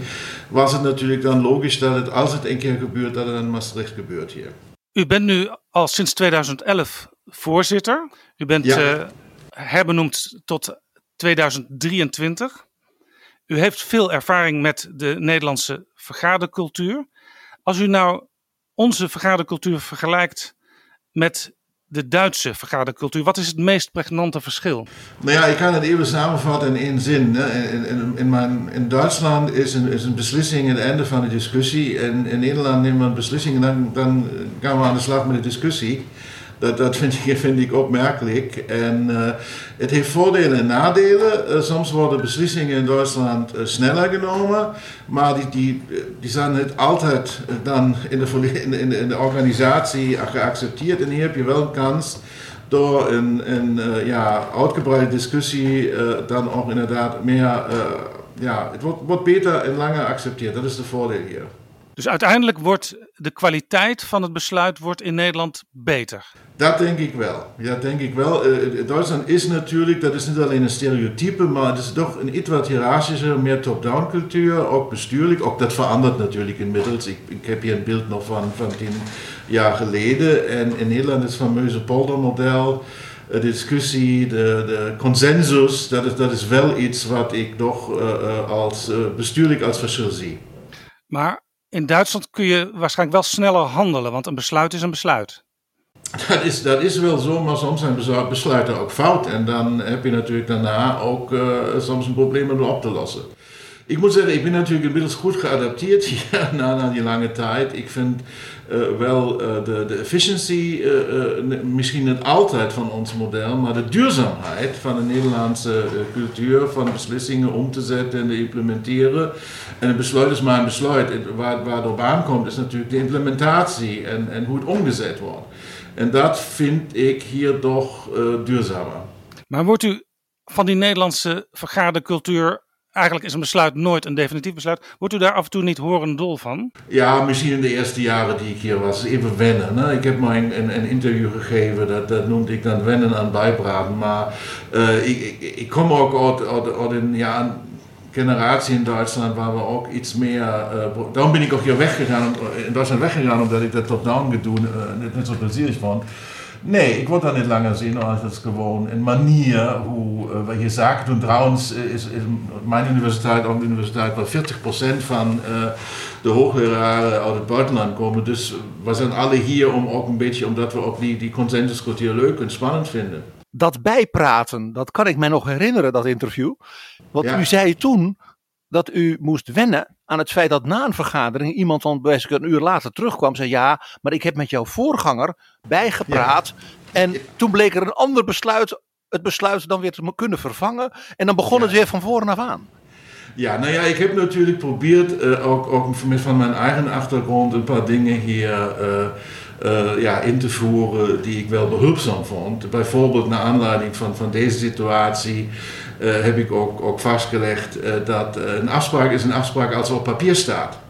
Eh, eh, ook goede documentatie van besluitvorming en dingen. Eh, dus ik heb ook een beetje van mijn, mijn ik zeg maar, eh, Duitse eh, eh, arsenaal een beetje meegenomen. En dat wordt ook hier op prijs gesteld. Ja, dus u heeft Ja. de Nederlandse collega's ook nog wat kunnen leren. Nou, wat heet leren? Het is gewoon, eh, we bewegen naar elkaar toe. En het is, kijk, ik ben, niet van, van, eh, eh, van zo'n zwart-wit gedrag. Daar is alles, alles beter dan hier of andersom. We leren van elkaar. Dat is ook spannend aan zo'n internationale universiteit. Er zijn natuurlijk niet alleen Duitsers, Nederlanders, Amerikanen, Canadezen. Ik, ik, zal maar, maar noemen, dat is de bestuurlijke international classroom met die we hier oefenen. En iedereen brengt een beetje zijn eigen eh, achtergrond in en dan staat iets, iets moois van. Daarom is het ook een mooie plek om te werken aan deze universiteit. Nou, nou maakt u als voorzitter ook in zekere zin deel uit van Polderend Nederland. Ja, Dus u heeft op, op allerlei niveaus contacten. U, u praat natuurlijk ook op landelijk niveau af en toe met de minister. Hoe, hoe gaat dat dan? En is daar een verschil met de Duitse cultuur? ja ik vind dat uh, overheidsinstanties hier veel toegankelijker zijn uh, dan in Duitsland. Het is veel makkelijker in het gesprek te komen. Bijvoorbeeld als ik in het buitenland ben, zijn de, de, de Nederlandse ambassade is veel dienstbaarder. Het, is veel makkelijker met, hier met een commissaris van Koning of met, met, met overheidsvertegenwoordiger in gesprek te komen. Dat vind ik heel prettig. Dat is in Duitsland soms uh, heel moeilijk. Ja? Dat, is, dat is bijna als ik, als ik op bezoek bij de paus ben. Uh, en uh, vind ik, dat, dat vind ik ook een voordeel hier, moet ik zeggen. En dan is dat polderen natuurlijk in methode, of om een gesprek te gaan, maar de contacten hebben, die gesprekken aan te gaan op korte termijn, dat vind ik wel prettig. Uh, typisch Nederlands is natuurlijk ook, wat ik maar zal zeggen, de koepels. Hè. U zit natuurlijk bij de VZNU, u kent NWO, u kent de KNW, u kent de Vereniging Hogescholen. Hoe, hoe, hoe, hoe ziet u dat vergeleken met zeg maar, de Duitse vergadercultuur? Nou ja, er is één groot verschil, is uh, dat natuurlijk in hoger onderwijs, Duitsland is een federaal land. Dus de, het beleid over hoger onderwijs is geen nationaal beleid zoals in Nederland. Het is gewoon ook deelstatenbeleid. Dus uh, uh, in Bayern is het weer anders dan in Noord-Rijn-Westfalen dan in Berlijn. Dus de, bijvoorbeeld de besturen, die hebben wel koepels op nationaal niveau, maar die hebben toch minder, minder invloed dan uh, omdat, het, omdat de regels en de wetten heel verschillend zijn in al die verschillende deelstaten. Dat is hier natuurlijk anders, het is centralistischer. Uh, ik, ik, zeg, vertel mijn Duitse collega's altijd, ik, ik leef in een, in een sociale monarchie of zoiets. Dat, is, dat heeft ook weer voordelen. En dus... een sociale monarchie. Ja, ja, ja. Het andere is natuurlijk, soms vind ik ook dat, hier te veel, uh, uh, niet koepels, te veel organisaties zijn, die soms over hetzelfde gaan. You know, al, die adviezen gaan over wetenschap. Dat is dan weer in Duitsland iets strakker geregeld. er is maar één wetenschapsraad en die doet het natuurlijk voor heel Duitsland dan. Dus ook, ook ja, voordeel en nadeel, zoals Johan Greuf zei.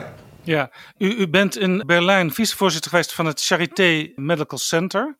Ja. Uh, daar heeft u ook nog zeg maar een staartje meegemaakt, of althans de, de, de post-DDR-samenleving.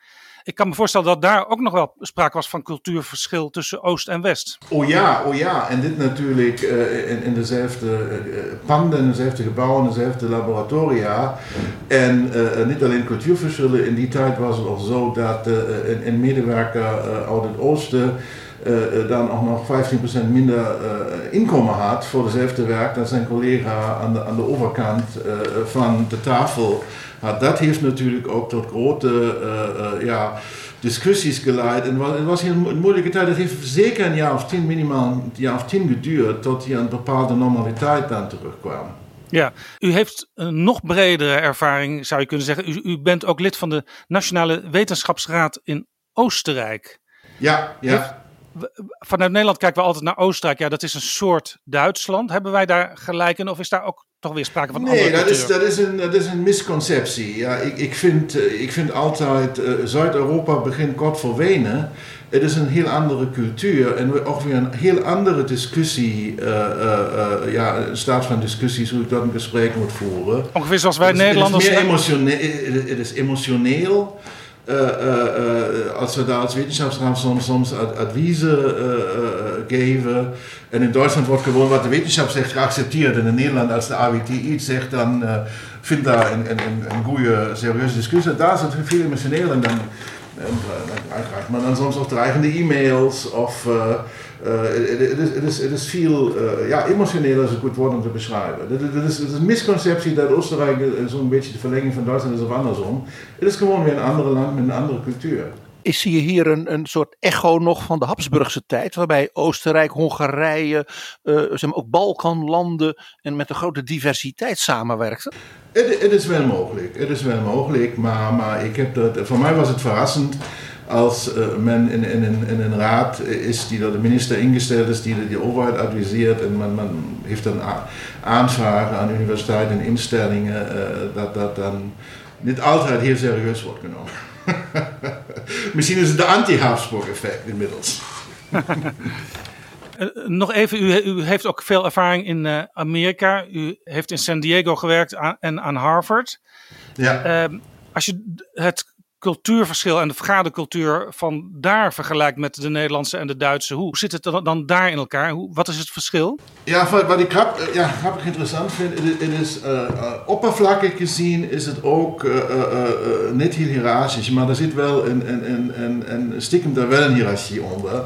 En dat is heel moeilijk om gronden daar binnen te komen. Dus het is minder transparant. Als ik maar naar Duitsland en Nederland kijk, dan zie ik die verschillen, die zijn heel openbaar. En daar zijn de verschillen toch ja, niet, niet, niet, zo, niet zo duidelijk zichtbaar. Is altijd een, een, ja, iedereen is, is een first name basis, zo te zeggen. Maar het is toch een, een, een grotere hiërarchie in de achtergrond, denk ik. Ja, hoewel de Amerikanen misschien, uh, die hebben ook de naam direct te zijn. En dat hoor je ook vaak over Nederlanders. Ja, ja, precies. Maar dat ook, ook, ook, de WS is niet de WS. Dat zijn misschien de Amerikanen aan de oostkust. In, in eh, Californië is het ook weer iets relaxter. is natuurlijk ook een heel groot land met heel verschillende mentaliteiten. En uh, ik ben getrouwd met een Amerikaanse. Ik kan nog beoordelen dat, dat daar ook directheid is. Die komt wel van de Oostkust. Maar uh, op andere plekken is dat nog weer verschillend. Ja. Dat is toch een groot land, de WS. Die directheid van de Nederlanders, die wordt in andere landen van Europa ook wel eens beschouwd als een soort ja, onbeleefdheid en zelfs een beetje arrogant. Herkent u dat? Nee, überhaupt niet. Maar nu ben ik hier natuurlijk in Limburg, in, in, Zuid, in het zuiden, daar herken ik het überhaupt niet. Maar ik heb ook heel lang met collega's in Groningen samengewerkt, ik herken het niet. Uh, ik vind direct het trouwens ook prima. En, en, het negatief, nu heb ik natuurlijk heel lang in Berlijn gewerkt. En Berlijn heeft ook weer in Duitsland bijzondere uh, reputatie voor botheid. Trouwens, in de twaalf jaar hier nooit onhuis bejegend door iemand. Alleen maar één keer uh, als ik met een auto misschien te snel op een parkeerplaats kwam, dan kwam een fietser, die heeft me dan helemaal dan, ja, negatieve dingen gezegd in Duits. Dan sprak ik aan. in het Nederlands, hoe komt die meneer om dit soort dingen naar mij te zeggen? En dan was het wel een Duitser, die, die heeft me wel niet verstaan wat ik zei. Dus ik, kan het, ik kan het niet zeggen hè, dat het negatief is. Maar uit Berlijn komen, dat is dan nog weer een andere nuance dan uit Zuid-Duitsland. Dat heeft misschien geholpen, maar ik heb er überhaupt geen probleem mee. Als u één ding zou mogen veranderen in de Nederlandse vergadercultuur, wat was dat? Ja, als ik zo vrij mag zijn, ik vind uh, uh, vaak hier als wij, we hebben heel veel nieuwe ideeën. En, uh, maar als die omgezet worden, wordt het dan vaak wat, wat we hier noemen de sigaar eigen doos. Dus waar, het is de kleinschaligheid van budgettering soms. En dat is wel een verschil die ik zie in, in Duitsland en Oostenrijk en de VS. Als daar nieuwe ideeën komen, bijvoorbeeld de excellentstrategie in Duitsland, waar, echt nieuwe innovatieve uh, dingen gebeuren. Uh, dat vind ik wel spannend. Dus ik hoop heel graag dat ook nu de, grote investeringsfondsen ook echt additionele middelen zijn die dan voor innovatie aanbesteed worden. Maar in het verleden was het vaak de fameuze sigaar doos. Daar, daar denk ik, uh, moeten we het over hebben. Anders wordt, als die budgetten dan altijd, hetzelfde budget altijd kleinschalig verdeeld wordt, dan wordt het niet uh, beter. Uh, Gießkannenprinzip. Ja, Gießkannenprinzip of kaasschaaf, uh, whatever it is. Ja, ik, vind, uh, ik vind gewoon dat innovatie ook gefinancierd moet worden. Als... Niet alleen trouwens in universiteiten. U heeft nu veel ervaring met ook Nederlanders als bestuurders.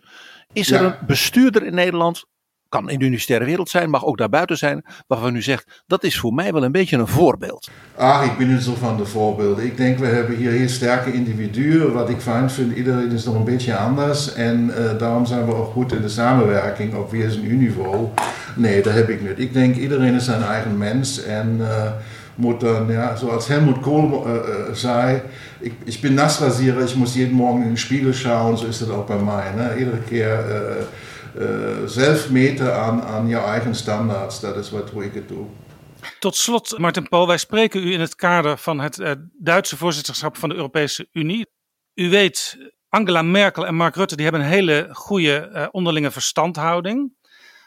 Ik ga u niet vragen naar politieke oordelen, maar op dit moment loopt het in de discussie tussen Nederland en Duitsland in het kader van Europa een beetje stroef. Heeft u nog een tip voor Mark Rutte en misschien ook voor Angela Merkel hoe ze die verhouding weer op het hoogste niveau kunnen krijgen?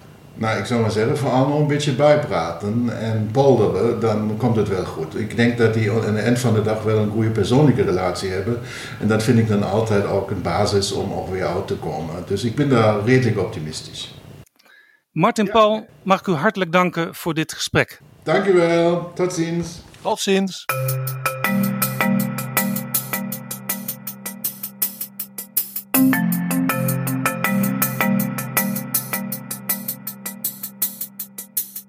Zo, dit was Betrouwbare Bronnen, aflevering 122. Deze aflevering is mede mogelijk gemaakt door de Europese Commissie, door We Nederland en door donaties van luisteraars. Dank daarvoor. Wil je Betrouwbare Bronnen mede mogelijk maken? Ga naar vriendvandeshow.nl/slash bb. Daar kun je ook reageren op deze en andere afleveringen. Overweeg je Betrouwbare Bronnen te sponsoren of in deze podcast te adverteren? Stuur dan een mailtje aan Flip Kilian Adams. Dat is flipapenstaart dagennacht.nl. Tot de volgende keer. Betrouwbare bronnen wordt gemaakt door Jaap Jansen in samenwerking met dag en nacht.nl.